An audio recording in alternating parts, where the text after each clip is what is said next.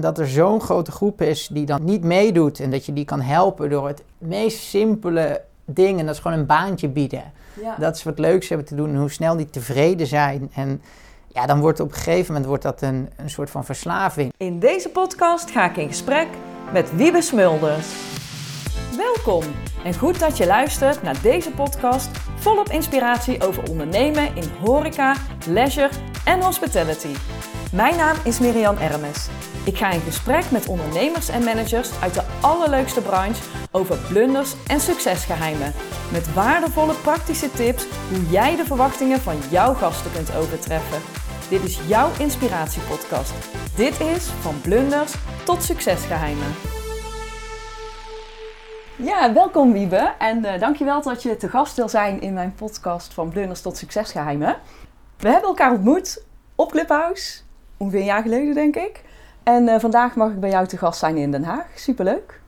Zou jij je allereerst kort kunnen introduceren? Dus wie ben je en wat doe je? Yes, zeker weten. Dankjewel voor de uitnodiging. Hartstikke leuk.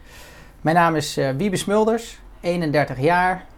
Woon in uh, Amsterdam inmiddels samen met mijn verloofde. En ik ben de financieel directeur van Social Capital en ook een van de eigenaren.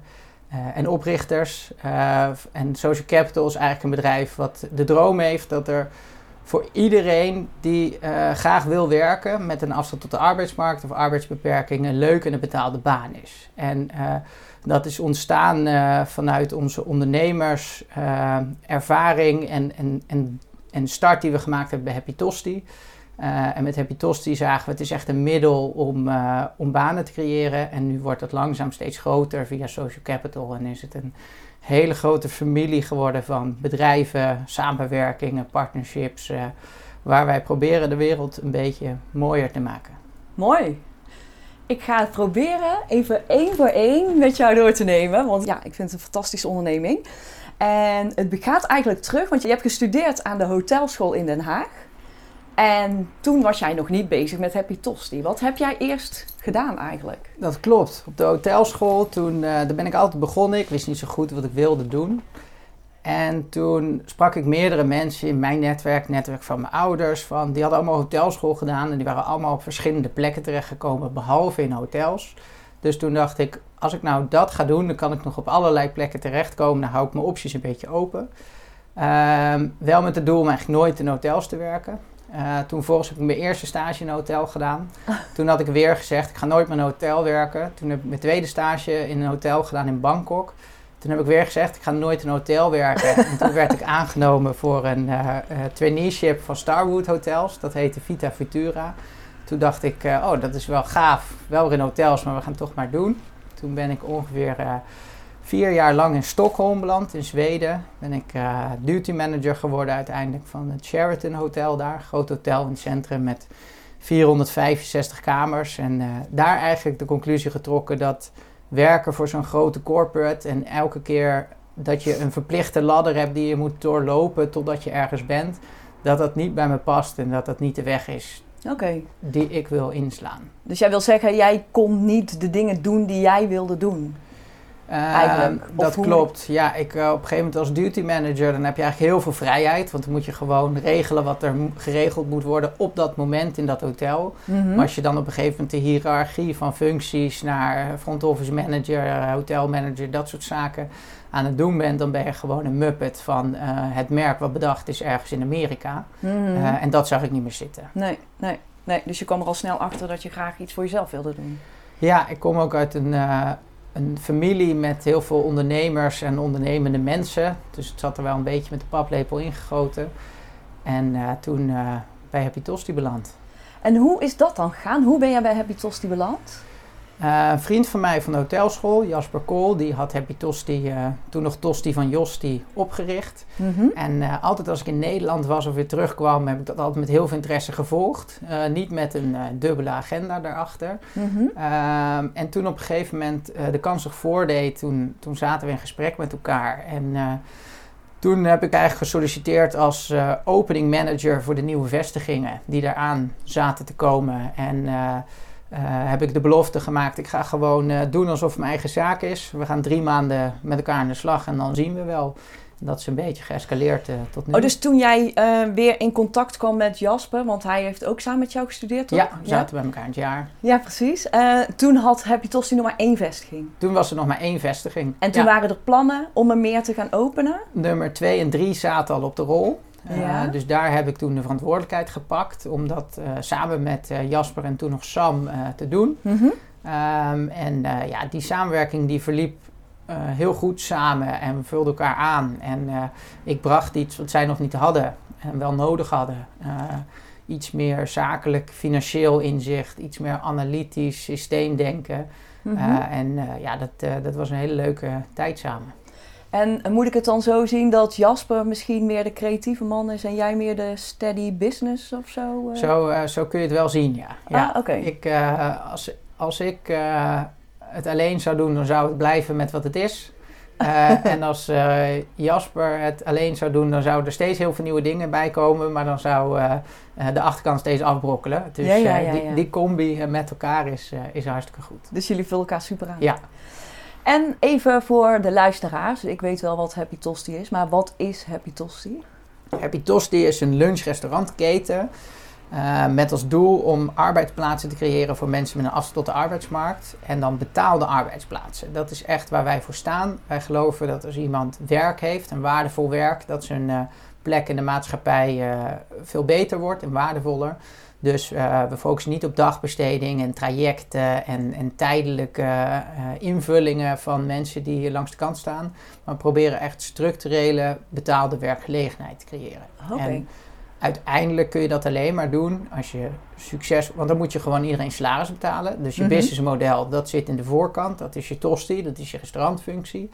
Uh, dus dan moet je heel erg focussen op de kwaliteit van product en service, je uitstraling, je, je experience in je, in je restaurant. Mm -hmm. Ja, want jouw gasten, die, uh, die weten natuurlijk wel dat de mensen werken met afstand tot de arbeidsmarkt. Maar ze willen ook de allerlekkerste tosti waarschijnlijk. Ja, en zeker niet alle gasten. Uh, okay. We zitten ook in de pijp in Amsterdam komen heel veel toeristen, weten Happy Tosti. Dat, dat zie je niet uh, nee. uh, op één op één er vanaf. En dat hoeft ook helemaal niet. Je moet los van het sociale doel, moet je gewoon lekker gegeten hebben, goed zijn bediend. En ietsje meer happy de deur uit dan dat je erin kwam. Ah, dus dat is ook een missie, of niet? Dat iedereen een beetje happier wordt? Ik denk dat dat de basis is van ieder horecabedrijf uiteindelijk. Ja. Dus dat staat niet op de voorkant, maar dat is natuurlijk wel wat je probeert te doen. En ook je mensen, denk ik. Uh, de, dat lukt alleen maar met blije medewerkers. Ja, precies. dus als die medewerkers doen wat ze leuk vinden, dan komt de rest wel goed. Ja. Hey, en um, je hebt nu hoeveel vestigingen? Nu uh, met Happy Tosti zijn het zeven vestigingen, Ze waarvan twee franchise. Ah, oké. Okay. Dus vijf van jezelf, of in ieder geval van jullie samen. Ja. En je werkt nu voor Social Capital. Hoe ligt die link? Hoe is dat ontstaan? Het klinkt heel ingewikkeld, maar het is eigenlijk best eenvoudig. Mm -hmm. Op een gegeven moment uh, zijn wij in samenwerking met een bedrijf uit Amsterdam, dat heet Milieuwerk, hebben wij een project opgepakt voor Heineken Nederland. Om te kijken, kunnen we samen met als Heineken als, als founding partner en als drijvende kracht uh, de horeca op wat voor manier dan ook uh, wat, wat meer arbeidsplaatsen gaan creëren. Um, en uh, daar hebben we een plan voor gemaakt. Daar hebben we toen een nieuw bedrijf voor opgericht met elkaar. Dus dat is met David en Wouter erbij, mijn nieuwe compagnons. En um, uh, om met als doelstelling om bij een aantal partners van Heineken ook werkplekken te creëren. En ook misschien wel een deel van de cateringvoorzieningen bijvoorbeeld voor Heineken te kunnen doen. Mm -hmm. uh, we zijn toen ook een, uh, begonnen bij de Heineken Experience in Amsterdam om een trainingsproject op te starten. En toen voelden wij op een gegeven moment van zowel in de samenwerking met elkaar, dus als nieuwe compagnons, en in, in, in hoe de mensen daar om ons heen reageren, hoe de markt op reageren van hey, dit, dit is uh, hoe we echt kunnen groeien en hoe we willen groeien en hoe we zoveel mogelijk mensen een baan kunnen bieden. En toen hebben we besloten, laten we al die bedrijven maar op een hoop gooien. Dan hebben we gewoon één groot bedrijf, dat heet Social Capital. En die heeft aan de ene kant hebben we uh, alle mensen in dienst met een afstand tot de arbeidsmarkt, met jobcoaching, met de juiste begeleiding, dat we dat professioneel kunnen aanpakken. En aan de andere kant hebben we veel eigen werkplekken waar medewerkers kunnen starten, maar mm. ook op het moment dat uh, en dan de volgende stap is dat medewerkers uit worden gedetacheerd aan de horeca- en gasvrijheidsbranche. Ah, oké. Dus we werken vanuit jullie? Vanuit, Social Capital? Vanuit Social Capital. Um, dus we werken nu al met onder andere de uh, Heineken Experience, uh, Madame Tussauds. We gaan beginnen bij het Scheepvaartmuseum, Loetje in Amsterdam. Oh, wow. Uh, dus dat zijn al hele mooie namen waar we nu allemaal klein aan het beginnen zijn. Mm -hmm. en op het moment dat het daar eigenlijk een keer niet zo goed gaat met een medewerker, wat bij ons eerder een zekerheid is dan een uh, incident, mm. omdat we toch met kwetsbare mensen werken, kunnen ze altijd weer terugvallen bij een van onze eigen bedrijven. Mm -hmm. Dus we moeten altijd heel veel eigen plekken houden. Dan kunnen we weer een bepaald proces door van waar is het nou niet goed gedaan, waar moeten we leren, wat moeten we trainen, om dan vervolgens, uh, als die persoon daar klaar voor is, weer een nieuwe plek te vinden. En zo verliezen mensen niet hun baan. Ah, oké. Dus eigenlijk is het zo dat ze bij Happy Tosti en bij jullie eigen bedrijven uh, daar kan wat meer op instabiliteit misschien. En als je ze gaat outsourcen, dan zijn het vrij stabiele medewerkers die klaar zijn voor de arbeidsmarkt. Ja, dus uh, Happy Tosti is nog wel ook een veilige omgeving. Ja. Uh, het is natuurlijk wel gewoon echt een plek waar ook uh, de gasten komen. Dus die kun je natuurlijk nooit controleren. Hmm. maar het wel het hele bedrijf is gebouwd in procedures en systemen dat daar heel veel verschillende soorten mensen succesvol kunnen worden en veel kunnen leren. Veel structuur. Uh, veel structuur, ja. uh, veel systemen, alles staat vast. Een veilige omgeving, veel ook gasten die weten wat we doen en hoe het werkt. Uh, ja, en dan vervolgens als medewerkers klaar zijn voor de volgende stap, dan kunnen ze dus uitstromen naar andere partners. Maar ze houden dan wel onze begeleiding en ons vangnet en onze ja. hulp, die ze ook kan helpen met thuissituaties, privésituaties, schulden, uh, noem het allemaal maar op. Ja. Uh, om toch die veilige ja, um, uh, steunende rug te zijn. Ja, precies. En jij zegt, we hebben daarin al onze bedrijven verenigd. Hè? We hebben het over Happy Tosti gehad. En jouw compagnon, die had, of jullie compagnon hadden... Ja, dus uh, de groep bedrijven die we nu hebben als het gaat om eigen exploitaties. Mm -hmm. Dat is Happy Tosti met zeven restaurants.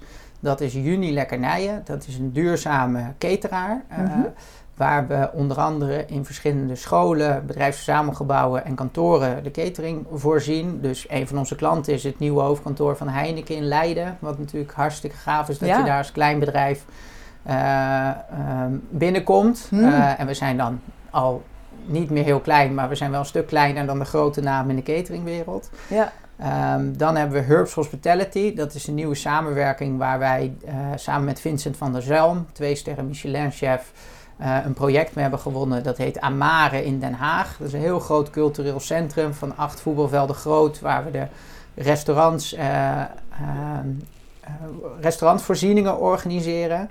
dan hebben we nog Milieuwerk. Dat is een bedrijf in de circulaire economie. Dus dat is buiten de hospitality. Uh, en via uh, en Lekker Brood, dat is onze biologische bakkerij, die ook weer al ons eigen bedrijf natuurlijk uh, van brood voorziet. Ja. Maar ook veel externe klanten die het gaaf vinden om brood te kopen van een sociaal georiënteerde, maar wel biologisch ambachtelijke bakkerij. denk aan Eerste Kamer, Tweede Kamer en uh, heel veel mooie strandtenten hier in Den Haag. En, uh, je hebt echt mooie samenwerkingspartners. Ja, dus, dus. Uh, wij vinden samen, samenwerken is heel moeilijk. Mm -hmm. maar wij vinden dat heel leuk. We delen ook graag met elkaar en met anderen. En we delen de impact en we delen de, als dat nodig is, aandelen. Of, of wat dan ook nodig is om het voor elkaar te krijgen. Want uh, het, het, zijn voor ons allemaal middelen en tools om uiteindelijk onze droom uh, te behalen. En die, die ambitie is uh, om voor 2030 2500 mensen met een arbeidsbeperking aan een baan te hebben geholpen. Zo, wauw. Dus we hebben nog wel even te gaan. En hoe ver ben je nu?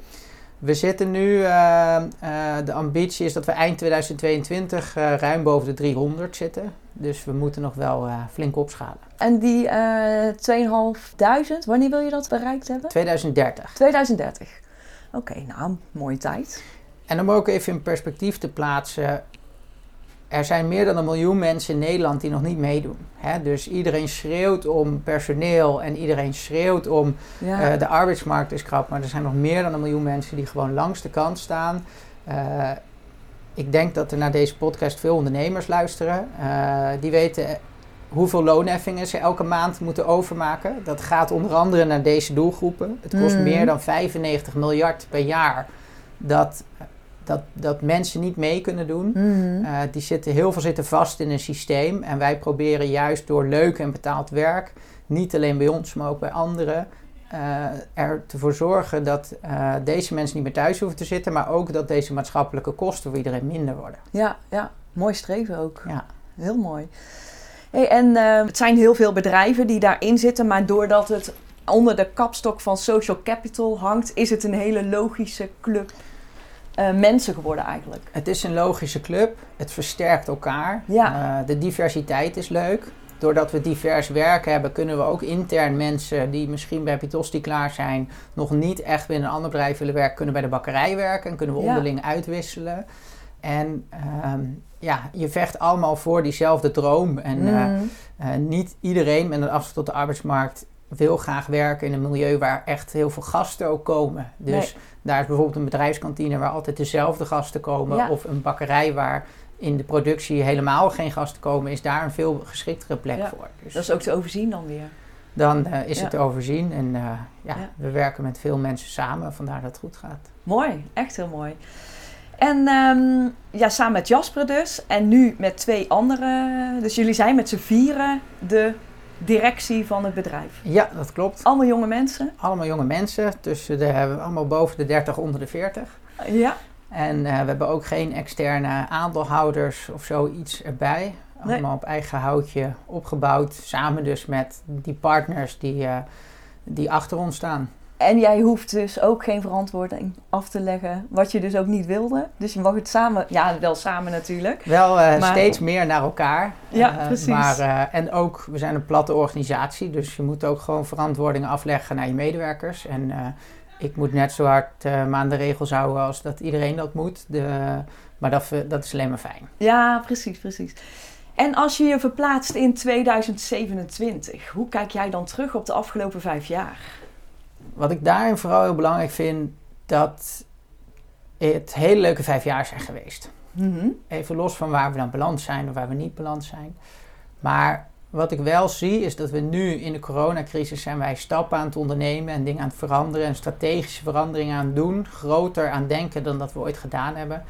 En ik hoop dat eh, dat, dat zich gaat uitwerken in de praktijk. En dat we gaan zien dat eh, wij Nederland een beetje mooier hebben gemaakt en geïnspireerd hebben eh, om ook arbeidsplekken te creëren. Of die nou bij ons zijn of ergens anders. Dat is, dat is allemaal, eh, staat los van die droom. En ik hoop dat, dat we dan gewoon veel meer mensen meedoen in Nederland dan dat nu het geval is. Ja, ja, en dat het wel misschien wat normaler is geworden. Want jullie zijn natuurlijk wel nog steeds echt pioniers ook op dit vlak. Ja, we zijn zeker pioniers. Eh, er is heel veel geregeld voor mensen met echt zware beperkingen die geen afstand hebben tot de arbeidsmarkt, maar gewoon arbeidsongeschikt zijn. Daar zijn Mhm. ook grote subsidies voor beschikbaar, dus daar heb je heel veel bedrijven omheen gebouwd.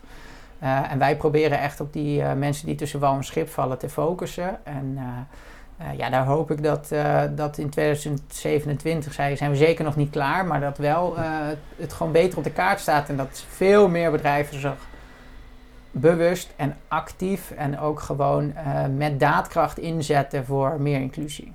Ja, en zie je nu ook dat je bepaalde aanvragen krijgt, of dat het ook wat belangrijker wordt in de maatschappij? Of is dat nog maar mondjesmaat? Het eh, speelt wel steeds meer, eh, maar ik zie wel dat er een heel groot gat is tussen uiteindelijk de wil, hè, dus het komt op de agenda, mensen zeggen dat wij vinden dat belangrijk, maar om het vervolgens in de praktijk eh, dan ook te realiseren is gewoon heel moeilijk. Hè? Dus als jij een CO2-doelstelling hebt of een, een, een duurzaamheidsdoelstelling, kun je vrij eenvoudig kun je zeggen: Oké, we gooien de zonnepanelen op, we kopen elektrische vrachtwagens, eh, we Ja. gaan, eh, weet ik het, eh, minder koffiebekers gebruiken, we stoppen met plastic, we worden CO2-neutraal, want we planten bomen. Dat is allemaal technisch, dat kun je doen en dat heeft er misschien een investering nodig. Ja, precies. Dus Maar- met geld, met middelen. Met geld, met middelen en bepaalde visie kun je daar komen. Mhm. Ehm, maar, en ook met daadkracht vanuit een directie. Als je kijkt naar het eh, inclusief werken met mensen en het bieden van succesvol betaald werk, dan moet het eigenlijk van helemaal onderaf, moet je organisatie daar klaar voor zijn, moeten de mensen op de vloer dat willen. Uh, want uiteindelijk een vrachtwagenchauffeur, of die een elektrische vrachtwagen rijdt of niet, dat zal even wennen zijn, maar daarna zal hij eraan gewend zijn. Ja. Alleen met iemand met een afstand tot de arbeidsmarkt werken is een structureel proces van anders denken, anders doen en flexibeler zijn en iemand begeleiden en geduldiger zijn. Ja. Uh, dus je, dat moet echt wel in de DNA zitten om dat succesvol te krijgen. Ja, maar sowieso van jullie maar, en van de partijen waarmee je werkt. Ja. En, want hoe heb jij het hier dan geregeld? Want um, een bedrijf kan natuurlijk niet uh, alleen op mensen met de afstand tot de arbeidsmarkt. Je hebt als het goed is ook begeleiding. Dat is een aanname. Ik denk wel dat het misschien ooit een keer zou kunnen. Oh, uh, zeker ook omdat de term afstand tot de arbeidsmarkt is gewoon enorm breed. Ja. Uh, maar over het algemeen. Uh, hè, dus je hebt ook mensen met een detentieachtergrond. Of weet ik, die wel zoiets zou kunnen. Dus mij lijkt het nog wel zeker een uh, droom dat het een keer lukt. Oké. Ehm, ja, ik geloof wel dat het overal kan. Van sterrenzaak tot hotel tot grote vliegvelden, Dat het 100% draait op... Niet 100%. Uh, eh, en uiteindelijk iedereen die heeft wel wat, hè. Of je mm, nou uh, een beperking hebt of niet. Dus uh, je moet het met elkaar doen. Ja, ja, ja. Maar hoe heb jij dat hier dan geregeld? Heb jij mensen die dan de begeleiding doen en... Ja, dus hoe wij het eigenlijk... Uh, we, we, willen het liefst dat iedereen zoveel mogelijk één team is natuurlijk. Ja. Uh, maar hoe we dat in de praktijk in veel exploitaties hebben opgedeeld. Dus team A en team B. Uh, team A, dat zijn de medewerkers met een afstand tot de arbeidsmarkt. Die hebben ook een jobcoach die hun helpt bij, uh, bij werkzaamheden en persoonlijke begeleiding. En team B zijn de mensen zonder afstand tot de arbeidsmarkt. Maar dat zijn niet per definitie mensen met een zorgachtergrond of weet ik veel wat. Dat zijn over het algemeen gewoon mensen die dat heel erg leuk vinden en net wat meer geduld hebben. Ja. En uh, in de bedrijfsprocessen denken we gewoon altijd na van hoe kunnen we het opknippen los van elkaar. Dus een Happy Tosti, heel sprekend voorbeeld, bestaat uit zeven verschillende functies. Mm En als jij als ik werk, kun je misschien wel vier functies tegelijk. Ja. Uh, maar als er iemand van team A zou, dan ook gewoon één stukje kunnen doen. En dat is alleen maar tosties van A naar B brengen of alleen maar sausjes maken. Ja. Uh, en zo knippen we dat op. En, ja, en dat doe je dan ook op maat? Of, Doen we deels op maat, maar ook inmiddels hebben we natuurlijk wel veel ervaring dat we gewoon zien uh, wat, wat is handig en wat niet. Uh, maar we houden er ook wel van om gewoon iedereen in het, in het diepe te gooien. En te kijken van wat kan er wel. En gewoon uh, kijken of we het zelfvertrouwen kunnen boosten. Dat medewerkers waarvan ze dachten dat ze dat nooit zouden kunnen, dat ze het wel kunnen. Wel en kunnen, dat is natuurlijk echt leuk. Ja. En je had het net ook al even over corona en dat het soms wat, misschien wat vertraagd is en zo. Maar hoe is um, Happy Tosti uh, door de crisis, of in ieder geval, we zitten er nog wel in, maar hoe is dat gegaan? Zijn jullie wel altijd aan de slag geweest? Uh, hoe dat, uh, we hebben natuurlijk best wel een maatschappelijke of een verantwoordelijkheid ook voor die medewerkers die toch wel wat bijzonder, bijzonder zijn bij ons. En mm -hmm. we hebben ook medewerkers die bijvoorbeeld te maken hebben gehad met in het verleden met alcoholverslaving of drugsverslaving of detentie of, of ja, uh, geen scholing, analfabetisme die je echt wel in de gaten moet houden. Dus die thuis uh, zetten is een slecht idee. Hmm. Dus we, ja, we hebben daar echt bovenop gezeten samen met onze jobcoach. We kennen mensen goed om iedereen te blijven activeren en in contact te blijven om uh, te zorgen dat, uh, dat, dat hierna uh, deze groep ook nog steeds succesvol aan het werk kan. Dat is zeker niet altijd makkelijk geweest, ook niet altijd gelukt, maar over het algemeen denk ik ja. dat we dat goed hebben aangepakt. Ja, vooral ook gekeken naar wat er nodig is voor de mensen. Ja, ja, zeker. Dus we zijn ook gewoon altijd, is de deur open gebleven, iedereen kon altijd langskomen. En sommige mensen hebben een warm bad thuis met leuke ouders. En uh, die allerlei dingen doen. En die mochten naar ooms en tantes. Dus daar hoef je niet druk over te maken. Ja. Maar er is ook een hele groep uh, in Nederland die, uh, die niet een warm bad heeft. En waar je er dan voor moet zijn. En waar wij het warmste bad zijn wat ze hebben. Ja. dus ja, die, we doen ook niks liever dan, dan daar goed voor zijn. Ja. En ja, gevoelsmatig ook. Als je gewoon kijkt. wij vinden banen veel belangrijker dan, dan winst of geld. En dat is allemaal middel. Uh, zeg ik ook altijd gekscherend. Ik heb nooit zorgen gemaakt over dat we dan geen winst meer draaien. Ik vond het ook helemaal niet erg. Als mensen maar aan het werk waren. Als iedereen maar aan het werk was. En dan draaien we. Want we, we, ons primaire doel is gewoon winst. Is, is die mensen aan het werk hebben, weet je wel. Dus, en dat is wel, wel tof om te zien. En ook dat al je financiers, waar we ooit geld van hebben geleend dat is ook de reden waarom ze er geld in hebben gestopt. Dus ook, je kreeg niet de vraag van uh, over afstel en rentes, als je dat dan wilde uitstellen of ik veel. Je kreeg de vraag, hou je je mensen aan het werk? Ja. Nou, als daar het antwoord ja was, dan zei iedereen, nou, dan blijven wij jullie full on supporten. Dus ik zeg wel eens, we draaien net zoveel winst, altijd al. De hele corona. oh, mooi. Ehm, sinds wanneer ben jij zelf eigenlijk na gaan denken over uh, die inclusiviteit, zeg maar? Is dat doordat je in contact kwam met Jasper of deed je dat van tevoren ook al? Um, ik denk dat ik wel altijd van thuis al wel heb geleerd, weet je wel, dat iedereen erbij hoort. Mm maar het is niet dat ik iemand in mijn omgeving heb met een zware beperking waar ik dan aan gerefereerd heb. Wat voor mij vooral is toen ik eenmaal begon, hè, de, de reden dat ik begon met Happy was eerder het ondernemen wat me trok dan dat mensen met een afstand tot de arbeidsmarkt werken. Dat vond ik wel tof en inspirerend, maar daar had ik ook geen ervaring mee of zo. Mhm. Ja, en op een gegeven moment wordt het een soort verslaving. Dat je ziet, aan de ene kant leer je steeds meer over het systeem aan de achterkant en over hoe geluk ik eigenlijk zonder dat ik het door heb gehad in mijn leven, altijd heb gehad, altijd meewint, dat je dan uh, voor elkaar krijgt wat je voor elkaar krijgt. Mhm. Ehm, en dat er zo'n grote groep is die dan naast de, naast de niet meedoet en dat je die kan helpen door het meest simpele dingen. Dat is gewoon een baantje bieden. Ja. Dat is wat leuks hebben te doen en hoe snel die tevreden zijn. En ja, dan wordt op een gegeven moment wordt dat een, een soort van verslaving. En dan, ja, dan is ook wel de bewuste keuze geweest. Ja, als we gaan groeien, dan ga je steeds minder op de vloer met die gasten werken. Ja. En, en wil je dat? En dat was echt volmondig, ja, dat willen we. Want wij hebben het gevoel, we zijn nog jong, we moeten nog heel veel leren, maken heel veel blunders. Maar we hebben wel het gevoel dat wij het kunnen en dat we de mensen om ons heen en bedrijven zoals een Heineken en zo, dat we die geactiveerd krijgen om mee te doen met dit. Ja. Ja, dan, is het, uh, dan wordt het op een gegeven moment, uh, word je wel daar steeds activistischer van om het ook voor elkaar te krijgen. Ja, dus voor jou is niet alleen een zakelijke missie, maar eigenlijk ook wel een beetje een persoonlijke missie geworden. Ja, zeker. Maar ook in een groter plaatje dat ik gewoon zie hoe we het nu regelen met Nederland. Dat gaat niet werken op de lange termijn. Weet je wel, we moeten het met elkaar doen en niet tegen elkaar. En, uh, en, en, die ongelijkheid wordt alleen maar groter. En dat is voor niemand goed. Nee. ja, wat ik eh, proef aan jou is inderdaad heel veel samenwerken. Je wilt het graag samen doen. Uh, maar ook op een commerciële basis. Dus niet op subsidies en dat soort... ja, die zul je vast hebben, maar... Ik denk ook dat de reden dat we geen investeerders hebben, hè, zeker in het begin met Happy Tosti, waren overal het nieuws en uh, heel veel mensen kenden het. Het was allemaal baanbrekend en filmpjes op, op Facebook werden een half miljoen keer bekeken. Stond, iedereen stond in de rij. Maar die, in de rij om een tosti te kopen? Nee, om, om, nou ja, ook, maar, ook om, om te kijken, konden ze niet investeren en weet oh, ik veel wat allemaal.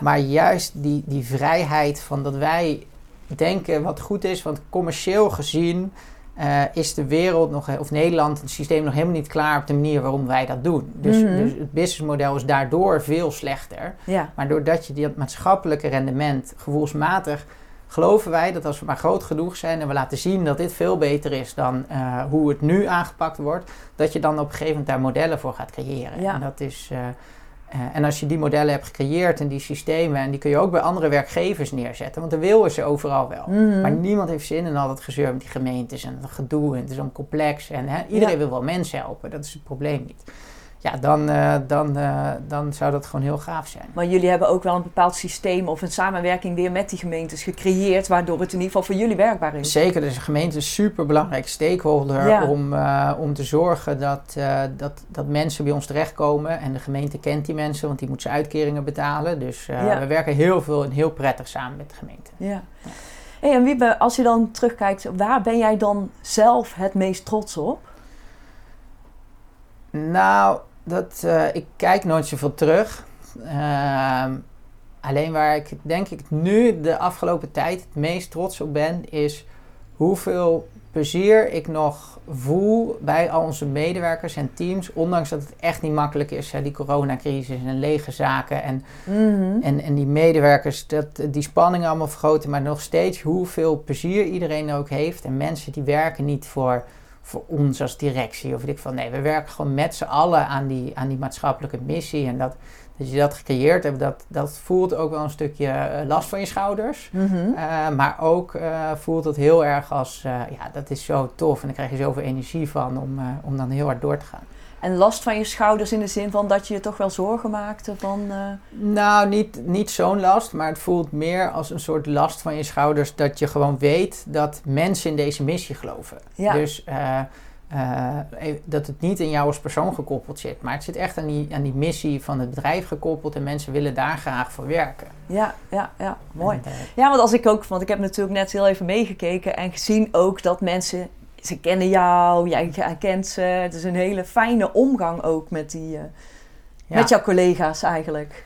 Ja, ja, zeker. Dat, eh, dat is het leukste wat er is. Ik, Ja. eh, En je komt er waarschijnlijk ook veel. heel veel. Ja. Ik probeer altijd overal ja, veel onder de mensen te zijn. Ik kan ook niet een hele dag achter een computer zitten. Dan word ik helemaal gillend gek. Ja. En, Laat jij je ook zien in vestigingen buiten Den Haag of is het vooral in Den Haag dat je zichtbaar veel in bent? Den Haag en Amsterdam, omdat ik daar woon. Ja. Eh, maar eh, ook, eh, het is niet alleen natuurlijk dat je fysiek aanwezig moet zijn. Maar het is Nee. ook dat je aanwezig bent en we, dat je dat als bedrijf doet. Dat we kwartaalmeetings organiseren waar dan weer alle leidinggevenden bij zijn. En Ja. dat je er ook weer voor die leidinggevende bent. Ja, dus precies. als individu ben je nooit zo belangrijk. Nee, nee, nee, nee, maar het is meer in totaal ook. Ja. ja, vandaar dat samen ook. En wat is dan jouw grootste succesgeheim? Ik denk dat mijn groot succesgeheim is, eh, is dat gewoon, eh, en dat zie ik wel echt in combi met, eh, met Jasper uit het verleden. En ik weet ook zeker dat die combi met Wouter en David zich gaat doorzetten, is gewoon nooit opgeven. Want we hebben echt zoveel dingen voor elkaar gekregen waarvan iedereen zei dat gaat je niet lukken of dit is niet slim of weet ik veel wat. Dus het succesgeheim, dat, dat is echt wel gewoon bij, blijven gas geven en Ja. nooit opgeven. En geloven dat, dat als je wat voor elkaar gekregen, dat het echt kan. Dan moet je ze nu naar elkaar en ondersteunen hè, eh, om het dan echt voor elkaar te krijgen. Ja, dat, eh, dat is heel gaaf. Ja, en is het dan ook zo dat als mensen zeggen het gaat niet lukken, dat jij denkt van nog extra gemotiveerd bent? Of wil je gewoon je eigen missie, dit is wat wij doen en... Dat, het is niet kosten wat het kost of tegen de ander of Nee, zo, weet nee. je. Het is geen, eh geen competitietje wie het hardste kan rennen. nee. Ehm, maar het is vooral naar jezelf, weet Ja. je wel. Eh, niet zozeer naar de buitenwereld. Ja, precies. En hoe zie je dan dat je... eh, wat zouden dan de eerste stappen zijn om echt je doel te halen voor de zoveel mensen, zeg maar, nog te helpen, die 2500? Nou, ik denk dat de belangrijkste stappen voor daar zijn. En op een gegeven moment, je wordt, je wordt groter en dan komen ja, toch wat tussenlagen in je organisatie. En in plaats van dat je, dat je ehm, gewoon medewerkers aanneemt, moet je management gaan aannemen en dat soort zaken. Ja, en ook daar die cultuur en die eh, training en die vibe met elkaar neerzetten. Maar ook gewoon je eigen rol veel meer gaan definiëren. En waar, Mhm. waar ben ik wel van, waar ben ik niet van. En dat vooruitkijken en eh, daar zorgen dat daar de juiste investeringen voor komen en zo. Dan, dan ja, moeten wij ook nog allemaal superveel leren om Ja. eh, uiteindelijk daar te komen. Maar ja, gelukkig gaat dat niet van de een op de andere dag. Is, eh, eh, heb je daar ook gewoon de tijd voor om je zo te ontwikkelen. Ja, dus jullie zijn nu ook echt een organisatie neer aan het zetten om die groei te kunnen realiseren. Ja, we investeren heel veel gewoon intern in, om goed. We zijn nu heel erg bezig met wat zijn nou onze eigen functies als directie. Want de organisatie heeft dat nodig. Dat Ja. ze weten bij wie moet ik zijn en hoe richten we dat in. En hoe vliegen we dat aan. En, maar ook gewoon de technische kant. Je wordt groter. Hoe heb je al je juridische zaken geregeld. En je verzekeringen en je eh, risicoanalyses en zo. Dat hoort er ook allemaal bij. Ja. En, en dan kun je zeggen, oh, dat vind ik niet leuk of dat deed ik nooit. Maar ja, Mhm. als je dat soort dingen niet professioneel gaat aanpakken, Nee. dan ga je er niet komen. Dus, eh, Jullie zijn met z'n vieren. hè? Eh, jij bent van de financiën en van de bedrijfsvoering, denk ik. eh. ja, ja, systemen, veel systemen, veel de achterkant. Precies, ja. En Jasper is van de voorkant. Jasper is eigenlijk eh, de business development. Dus oké. eh, Nieuwe markten. Nieuwe markten, nieuwe projecten, maar ook business development binnen de huidige merken. Dus kijk, oké, klopt alles nog? En als er projecten zijn, dan moeten nieuwe systemen geïmplementeerd worden.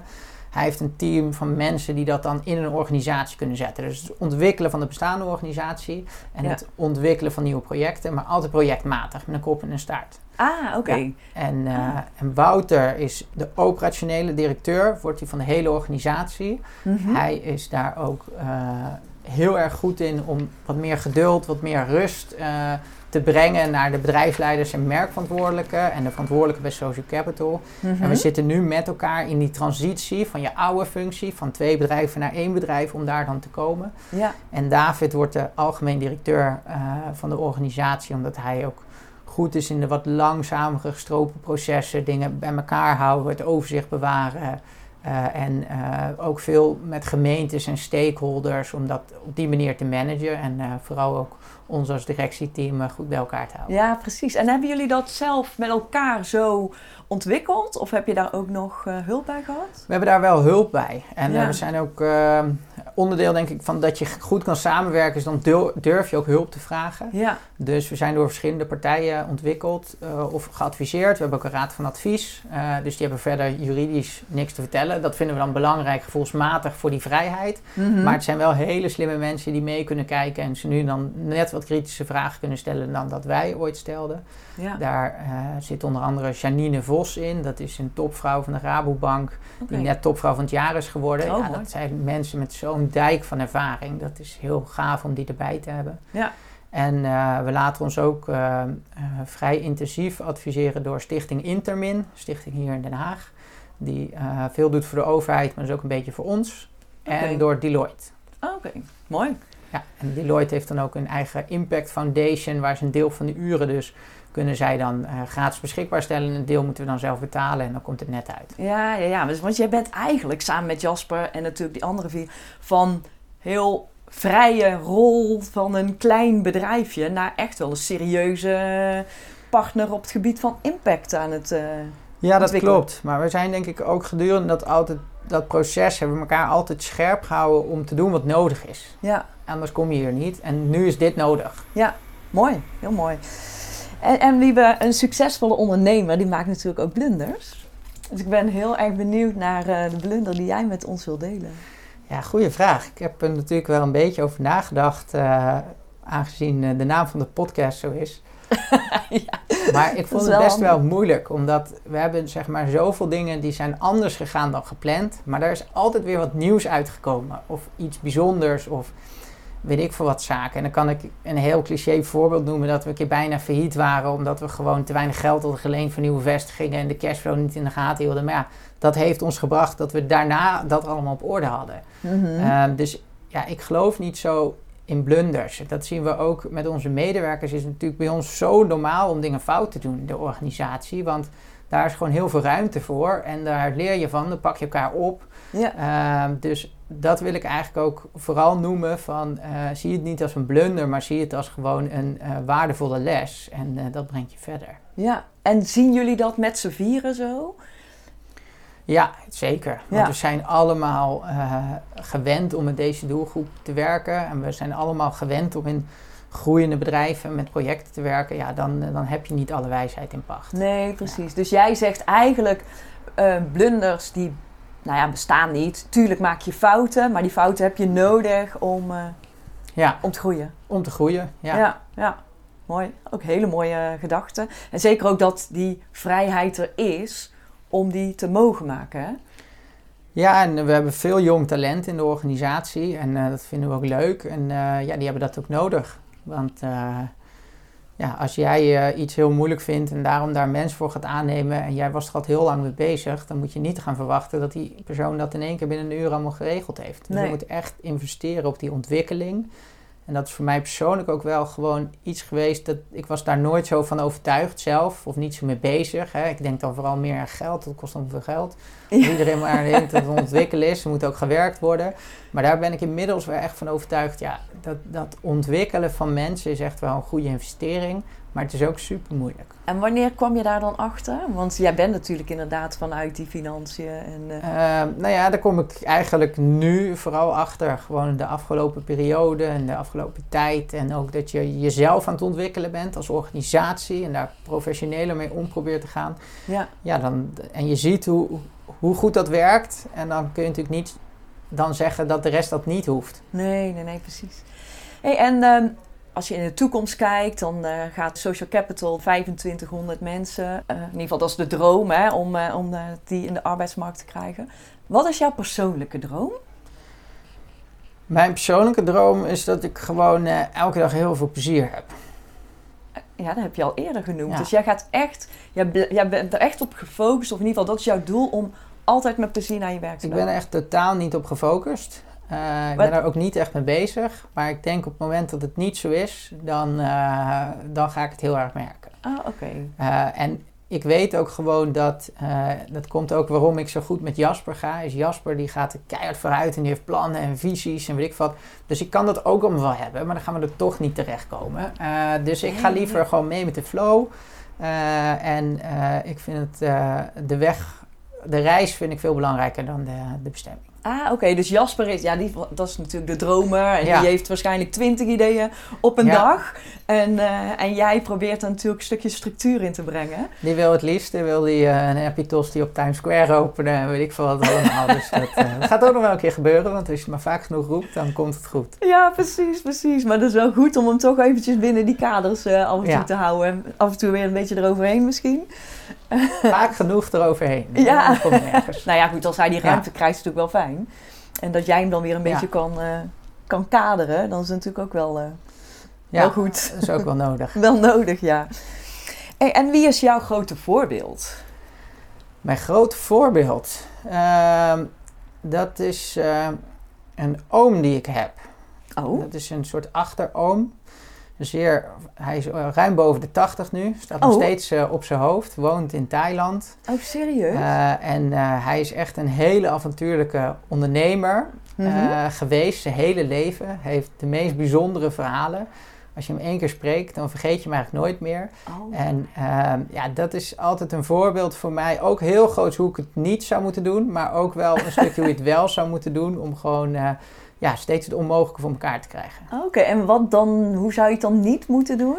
Nou, ik denk dat hij is uh, altijd kosten wat het kost. Heeft hij, uh, heeft hij misschien wel dingen op moeten geven om, om zijn doelen te bereiken die hij eigenlijk helemaal niet had willen opgeven. Ah, ja, ja, ja. Uh, maar hij heeft wel gewoon hele dingen, bijzondere dingen voor elkaar gekregen en deals gesloten in, in Azië en de ontwikkeling van die markt. En daar vergelijk ik ons ook wel een beetje mee. Hij was op zijn twintigste, is hij volgens mij naar Azië verhuisd. Spreekt tien talen vloeiend. Thai, Chinees en alles wat daar oh, gebeurt. En daar heeft hij echt die nieuwe markt. Was hij die pionier dat hij daar al zat toen al die merken uit Europa daarheen wilden. Dus rondom dat heeft hij heel veel ondernemingen en ondernemende dingen gedaan. En daar kijk ik ook wel naar als je kijkt, gewoon dat doen wat iedereen denkt dat een slecht idee is. Maar dan uiteindelijk blijkt dat het beste idee te zijn. En dat is natuurlijk hopelijk wat wij in Nederland ook aan het doen zijn. Op een heel ander vlak, heel erg maatschappelijk gefocust. Ja. Uh, om uh, ja, te laten zien dat, uh, dat het anders kan en moet. Ja, precies. En jij gelooft ook gewoon heel erg daarin. En je laat je dan niet leiden door wat anderen zeggen eigenlijk? Nou ja, je, je hebt natuurlijk, uh, de overheid is gewoon een stakeholder in dit beleid. Dus je moet je steeds laten leiden. Ja, uh, oké, okay, uh, Maar je moet juist wel dan vasthouden. Hè. Nu noemen ze het afstand tot de arbeidsmarkt. Misschien over een paar jaar weer anders. De ene regeling heb je dan en dan. Ja, je veert allemaal, mee. Je, veer, je moet altijd meeveren, want ja. dat kun je toch niet veranderen. Maar ja. je moet wel ja, dat doel niet uit je ogen verliezen. Want er zullen altijd mensen zijn die wat minder mee kunnen doen. Ja, precies. Ja, ja.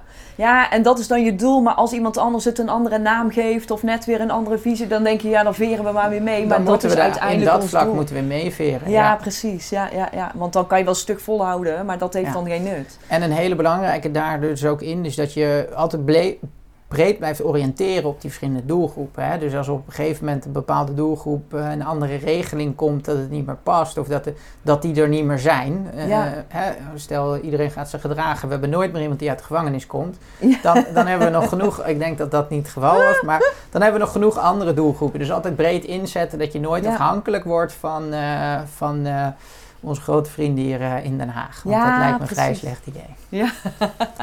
nee, maar dat is wel mooi natuurlijk, hè? Als je daar ook zo in kunt Ja. denken. En ja, anders was je hier natuurlijk niet al geweest. Eh, En de samenwerking opzoeken. ja, ja, ja. Ja, je hebt nu allemaal weer nieuwe ministers, dus nu... eh, We gaan het zien of Kan het we beleid misschien binnenkort kunnen uitnodigen voor een kopje koffie. Ja, precies. Hey, en ik heb eigenlijk nog een allerlaatste vraag. En dat is met wat je nu weet. Wat had je dan vijf jaar geleden jezelf eh, eh, als advies gegeven? Dus welk advies had je dan aan jezelf gegeven? Ehm, misschien eh, vergeet niet ook aan jezelf te denken. Mhm. Leg eens uit. Ik denk dat, dat als ondernemer en zeker in moeilijke tijden, maar ook als je een droom hebt die dan niet altijd lukt in die weg ernaartoe, cijf je heel snel jezelf weg. Mhm. En eh, dat is uiteindelijk als je jong bent en je wil wat en je bent bevlogen, dan, dan is dat, eh, is dat is dat allemaal prima. Maar het moet op een gegeven moment wel op het juiste moment ook ophouden. Want eh, we hebben altijd heel veel offers gedaan in, in salaris en wat je dan kan verdienen. Maar op een gegeven moment, als je groot wordt, moet je ook zelf beseffen. Als je zelf niks meer kan verdienen, Ja, als je jezelf niet kan betalen, dan heb je het waarschijnlijk gewoon slecht geregeld. Dus Ja. dan moet je juist in jezelf gaan denken om terug te gaan. Waarom, hoe zou dat wel kunnen? ja. En dat hebben we wel, ja, soms ook noodgedwongen. eh, maar wel, eh, denk ik, is dat wel een les achteraf. hè. Ja, Dat, precies. eh, jezelf, je moet goed voor jezelf zorgen om uiteindelijk te blijven staan.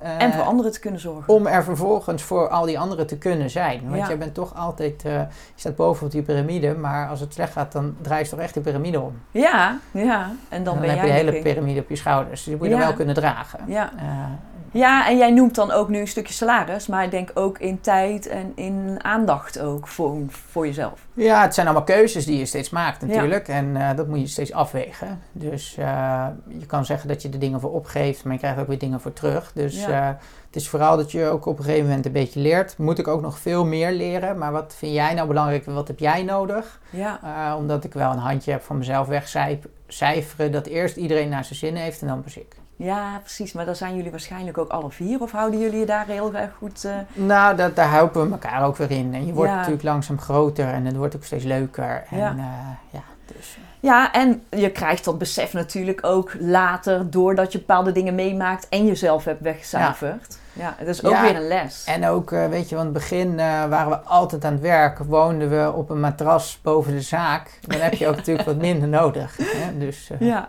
ja, ja, en nu heb je toch allebei wel weer een serieus huishouden waarschijnlijk. dat hoort er allemaal bij. Dat krijg je als je wat ouder wordt. Ehm ten slotte heb ik nog een paar stellingen voor je. Oké. Die heb je nog niet kunnen horen, want ik heb nieuwe. Ehm, cocktails of mocktails? Doe maar mocktails. En internationaal of lokaal? Internationaal. En Instagram of TikTok? Allebei niet. Allebei niet. Nou ja, Instagram dan. Eh, robotisering, is dat een kans of een bedreiging? Alles wat verandert is een kans. Oh, dat is mooi. Eh, nooit meer koken of nooit meer uit eten? Ehm, dan eh, nooit meer koken. Nooit meer koken. Ehm, Altijd uit eten is dat. Dus dat is toch corona, is dat een vloek of een zegen? Ehm, ja, ik ben een positieve denker, dus sowieso een zegen. Mooi. Individueel of ketenvorming? Eh, ja, samenwerken, dus dat is een keten, maar niet eh, keten, maar wel op een andere manier. Ja, ja, ja, ja. En zomer of winter? De zon schijnt altijd. Nou, dankjewel Wiebe voor dit eh, leuke gesprek. Graag gedaan, hartstikke leuk. Bedankt voor het luisteren naar deze podcast. Ben je geïnspireerd en vind je het een waardevolle podcast? Deel deze dan op je social media kanalen en vergeet mij niet te taggen. Ben je ook zo nieuwsgierig naar de volgende aflevering en wil je niets missen? Abonneer je dan op deze podcast. Wil je meer informatie over horeca, leisure en hospitality? Ga naar mirianermes.nl en volg me op LinkedIn, Instagram en Clubhouse.